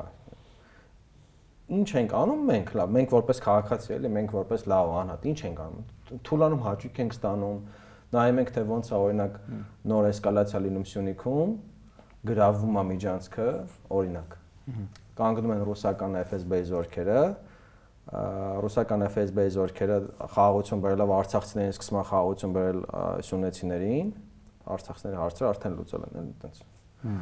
մաղթում եմ իրանց էլ այդ խաղաղությունը բերեն, բայց ամեն դեպքում էլի։ Հա, մենք ինչ ենք անում, չի փոխվում իշխանությունը, նախ բեր նույն իշխանությունն է, որը ասում է մենք խաղաղության օրակարգ ունենք, պատրաստի չենք եթալու Ադրբեջանի հետ, ես համաձայն եմ, որովհետև Աթուրդացանը առանձնապես պատրաստի չես այդ, հա։ Վովա Վարդանովին էլ չեն տալի գլխավոր շտաբը, Ազատազենին էլ չեն տալի գլխավոր շտաբը, իրանք չեն կարող հաջողեն Հայաստանը սարքեն ազգ բանակ Բերթամրոց, չեն կարող հաջողեն։ Ես կուզեմ, որ իրանց պատկացոցով հաջողեն, էլի, որովհետև իրանք ուզում են պաշտպանել հավանաբար ինչ ենք անում։ Պահանջները կան։ Մի ամսից, ասենք, չգիտեմ, գարունը, գարունը արդեն այդ պահանջները սկսում են դնել այդ։ Մենք ինչ ենք անում, որովհետև որովհետև այդ վտանգը ներխուժման վտանգը, էսկալացիայի վտանգը, պատերազմի վտանգը կա։ Որ շատ էլ թե Ալևը հելում ասում որ ես ճանաչում Հայաստանի տարածքային ամբողջականությունը։ Ճիշտ է։ Ճիշտ է ասում օրինակ, որ ճանաչում Հայաստանի տարածքային ամբողջականությունը, բայց ինքը տարածքային ամբողջականության մեջ չի ճանաչում անկլավները։ Ինքը տարածքային ամբողջականության մեջ չի ճանաչում Զանգեզուրի միջանցքը, որը ասում է ախպեր ստորագրել եք տվեք։ Ընդ որում, գիտես ոնց է ինքը կարա ստորագրի չտա, որովհետև ինքը ուժեղ է։ Ռուսաստանն է իր հովանավորը, Թուրքիան է իր հովանավորը, Իսրայելն է իր հովանավորը, ամերիկացիք են իր հովանավորը, որ ասում են հա իրավունք ունես Ադրբեջան հայերին, Ղարաբաղի հայերին ամնիստիայի ենթարկես, այսինքն դատես էլի։ Եթե ամնիստիայի ենթարկելու իրավունք ունես, դատել ունես։ Մենք ինչ ենք անում, չի փոխվում, ախպեր ջան։ Բանը 25 թվին ենք սպասում մենք։ Որ մի բան էլ ավելացնեմ։ Իսկի չգիտենք էլ 25-ից նորմալ մարդ կգա թե չի գա, հեղաշրջականների արդյունքում նորմալիսան կգա, չի գա, թե ավելի անասուններ կարող է գանել, այտենց խոսքի, որովհետև լիքն են եղել։ Մինչև 18 թիվն էլ են անասունները շատ եղել, 18 23-ից հետո էլ կարող են գան, որովհետև եթե այդքան անասուն չլինի, խեմ ասում անասուն, որովհետև այդքան անասուն չլինի, մենք երկու պատրաստ չենք տենա։ 5-6000 զոր չեն, այս աղետը չենք տենա։ 120000 գերի Ղարաբաղցի չենք տենա։ Արցախցիներ գերի 120000 չենք տեսնի։ Լինում է, չէ։ Կարող է նեղանան, որովհետև ասեն, խես մարդկանց անասուն ասում էլի։ Դրա համար եմ ասում։ Պատմության մեջ լինում են, չէ, իրավիճակներ, երբ որ որևէ կամայական հանրույթ որոշում է ինքնասպան լինել։ Այդ հայտնի տեսությունն էլ կա, որ պետությունները արտաքին ազդեցությամբ չեն ոչինչ այլ ուղղակի որոշում են ինքնասպանություն գործել։ Ես այն համոզմունքը չունեմ, որ մեր անկախությունը մեր գլխին ընկել է հենց այնպես։ չի կարա անկախություն ընկնի այնտեղ, որտեղ կոնը պոտենցիալ կամ այդ ոգին կամ այդ գիտակցությունը չկա, այսինքն ումն ինչ որ մի բան եղել է, ում այդ պոտենցիալը ունես, որ կարողացել ես անկախնել, որտեղ պատահական չի, եթե այդպես լիներ, օրինակ սովետական միության կազմ կմտներ, չգիտեմ, թաթարների պես, չգիտեմ, լեզգիների պես, այսինքն ինչ որ այդպես միավոր, բայց դու սովետական միության կազմում եղել ես որպես առանձին սուբյեկտ, առանձին հանրապետություն։ Այսինքն նշանակում է այդ ինստիտուցիոնալ հիմքը դու ունես, բայց միգուցե մենք հիմա սպառում ենք այդ պոտենցիալը միգուցե միգուցե մեր էլիտաները արդեն սպառված են մեր էլիտան մեր էլիտաները թե պոտենցիալ, որոնք ուզում են իշխանության, թե գործող էլիտաները, որոնք իշխանության, միգուցե իրանք Թոյնբի հայտնի հարացույցն է, երբ որ էլիտաները այլևս հակված են դիմագրավել մարտարավենին, այդ մշակույթը, այդ մշակույթը պետք է մեռնի։ Միգուցե դրա այդ գործ ունեն, որովհետև գիտես, մա ցավալի բան եմ ուզում ասեմ, վստահաբար ինքը քննադատեն։ Արա այնքան ջիգարում են այդ արտաբերում ցեղասպանություն բառը ոնց որ բան անշուր հպարտանան էլի դրանով։ Չգիտեմ, խնդրում եմ հանկարծ ինձ սխալ չհասկանան։ Բայց մենք արդեն սկսել էինք ապրել այնպես, ես 91 թվականից ծնված եմ, դու 92 թվականի, որ ցեղասպանության ցավը էլ չէր զգում մեր սերունդը, մենք մեզ դրա հետնորդը չենք համարում։ Հատկապես առաջի պատերազմի հաղթանակների ֆոնին։ Հիմա մենք նորից վերադարձանք այդ մեր նորից վերադարձանք այդ մեր բարթույթին, այդ մեր չարչրկված ցեղասպանվածի ինքնությանը ու ոնց որ թե դա մեզ հաճույք է տալիս, այդ օգնություն աղարսելը, այդ այդ մի խոսքով էլ այդ զզվելի այդ այդ ամեն ինչի ինչի միջով որ մենք չգիտեմ 1915 թվականին եւ դրանից հետո անցել ենք ու նաեւ էլի ես անցած սրա մասին մտածում եմ միգուցե հայ ժողովուրդը նորից վերադարձավ իր հարազատ ինչ որ մի հանգրվանի ինչի մեջ ինքը հավերամակներ ապրում էր միգուցե սպետությունն էլ սովետական մարդկանց ստեղծածներ եւ սովետական այդ սերունդի հերացման հետ միասին ինքը էլի պետքա վերադառնար իր Երևանյան արաբելյան բազարին չէ իրանք բոլշևիկները ճիշտ է Մանեթ Հանդլյանը չի խոստովանում որ բոլշևիկներն են Երևանը կառուցել, ասում հայերն են կառուցել։ Հայ բոլշևիկները։ Դա հա, դե բայց կարանք Մանեթ Հանդելյանի եւ բոլշևիկներին բան անենք, համադրենք։ Հայ բոլշևիկ։ Այդ գաղափարախ այդ գաղափարախոսական ծիրուն, բայց իրանք Երևանը եվրոպական քաղաք դարձեցին, իսկ մենք հետո նորից վերադարձանք մեր արևելյան բազարին, ինչը ոնց որ թե մեզ շատ հարազատ էր, ու այս օրինակը նույնականը ամեն ինչի վրա։ Որովհետեւ հիմա գործիչների մասին են խոսում։ Օրինակ ասում են չկա այդ Ղարաբաղյան շարժման Ղարաբաղ կոմիտեի որակի գործիչներ allևս չկան ու իսկապես չկան, բայց ախր նաև չկա վերակառուցման շրջանի մարդը, ով որ գնում էր միտինգների։ Հիմա արդեն լրիվ ուրիշ մարդիկ են, ոնց որ տեսնում ենք։ Դա էլ է շատ կարևոր, որովհետև Պերեստրոյկայի մարդը ուրիշ է։ Հիմա գնում են լայվի, Zoom-ի, ինչ որ տես բաներ։ Պերեստրոյկայի մարդը ի վերջո ուրիշ է, բայց սա առաջարկում թողնենք որպես տեսություն ու առաջնորդվենք այն կանխավարկածով, որ մենք չենք սպառել պետություն ունենալու մեր պոտենցիալը։ Ամենայն հավանականությամբ երրորդ հանրապետությունը որպես բովանդակություն սպառվեց, որովհետև ինքը ստեղծվել էր Ղարաբաղյան շարժման քաղաքական մշակութային հիմքի վրա։ Որոշ մարդիկ համաձայն չեն սրա հետ, բայց սա օբյեկտիվ իրականությունն է հիմա, լավ թե վատ, այդ շարժման շարժման ծիրում է այս պետությունը ծնվել։ Հիմա քանի որ ֆիքսենք եւս մեկ անգամ Ղարաբաղը անդառնալիորեն մենք կորսեցինք, փոխվում է նաեւ պետության բովանդակությունը, փոխվելու է հրճակագիրը,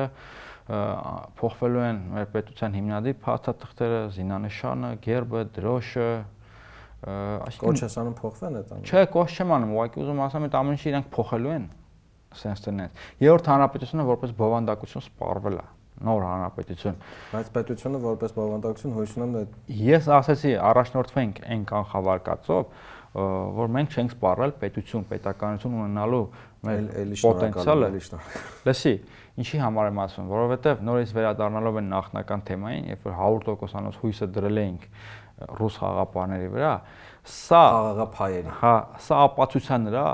որ մենք մեր հույսը կարող ենք դնել միայն մեր պետության, մեր պետական ինստիտուտների, մեր բանակի, մեր զինված ուժերի մնացյալ այլ պետական ինստիտուտների վրա որևէ խաղապահ, որևէ բան մեզ մեզ չի փրկելու ու հակառակը դոմփելու է անկախության կորուստ սիրելի ժողովուրդ ես ասեմ դա նորից նշանակում է գուլագներ խոսքով գիտեք ինչա սպասվում այնպես որ Հայաստանի Հանրապետությունը եթե ուզում ենք հայը որպես ինքնատիպ մշակույթ վերարտադրվի, պետք է լինի Հայաստանի Հանրապետություն, որովհետև ես կներես երկար խոսացի, ես էլ ասեմ, որ ասում են առանց Ղարաբաղ Հայաստան գոյություն չունի, այս սա աղետ է, միտք է։ Մեր հայկական միջավայրը կարող ենք համեմատել արեգակնային համակարգի հետ։ Կենտրոնում Հայաստանի Հանրապետությունն է, այսինքն արևը, իսկ Արցախը, Պոլիսը, Ջավախքը դրա շուրջը պատտվող մոլորակներ են։ Եթե Հայաստանի Հանրապետությունը մարեց Արբանյակները։ Արբանյակներն են, եթե Հայաստանի Հանրապետությունը մարեց, մարելու են նաև մնացյալը ամեն ինչ։ Վիկտոր համբարձում են ապի։ Սխալ եմ ասում, համաձայն չես։ Այսինքն առաջնորդվենք այն կանխավարկածով, որ մենք մեր պոտենցիալը չենք սպառել ու գոնե լավ այդ բնազդային անվտանգային կարիքներից ելնել, որտեղ մենք տեսնում ենք, ինգեր չեն օգնելու դες ռուս խաղապաները, ամերիկյան խաղապաները չեն օգնելու։ Հեն Հայաստանի զինված ուժերը։ Բանակ սարքեք։ Լավ։ Ամփոփենք երևի, մյուս եթերներին խոսանք արդեն երևի թե պետություն սարքելու մարտահրավերի մասին իրական ինստիտուտներով Այս թեմայից մի քիչ հանգստանանք էլի։ Հավանաբար եթե ինչ-որ արտարած բան չլինի, այս ընթացքում կխոսենք Երևանի Երևանի քաղաքապետի Երևանի ավական ընտրությունների արդյունքների մասին, այդ շատ կարևոր թեմա է, մենք այդ չենք մոռանում, մենք այդ չենք շրջանում պատերազմը, մեկօրյա պատերազմը մեր պլանները սա խառնեց, մենք պլանավորել էինք այս այս անգամ այդ թեմայով խոսենք, բայց մյուսին, որովհետև մինչև ավական ընտրություններ, եթե չեմ սխալվում հոկտեմբերի 10-ը ժամանակ ունենք խոսելու դրա մասին, շատ շատ կարևոր թեմա է։ Մենք նորից ապավինել էինք որոշ մարդկանց իմաստությունը կարծել է, որ պատերազմը կկանխվի։ Այո, բայց բայց ստացվեց ինչպես միշտ բոլորը իրենց ալիբի համար չկանխեցին պատերազմը, որպեսզի որպեսզի իրենց իրենց գլուխը ազատեն այդ ալիբիով։ Վերջը մյուս եթե ինչ որ արտարած բան չլինի, խոսք ենք տալի մեր լաուներին, լաուհիներին, մեր պատրոններին, մեր օկնողներին, աջակիցներին, որ կխոսենք Երևանի ավական ընտրություններից, իսկ մնացած թեմաները, թե ինչա մեզ սպասվում, ինչ ենք անելու հաջորդի եթերներում։ Շնորհակալ ենք մեզ լսելու համար, շնորհակալ ենք մեզ հետևելու համար։ Խնդրում ենք միանալ մեր Patreon-ին, աջակցել մեզ, թեկուս սիմվոլիկ գումարով։ Դա կաթիլացողում իհարկե մեր համար, որովհետև բնականաբար մեր ամբողջ ծախսերը չի փակում, բայց ձեր կարևոր ձեր աջակցությունը շատ կարևոր է մեր համար։ Մենք մենք ուղղակիորեն տեսնում ենք, որ դուք մեզ տալիս եք այն, ու մենք էլ ենք ուզում դες որակել կոնտենտ տանք։ Այսքանը։ Այսքանը։ Կհանդիպենք, ինչ ասեմ, տխուր, տխուր եթեր ստացվեց, տխուր թողարկում էր, բայց հիմա էսա։ Գնացինք։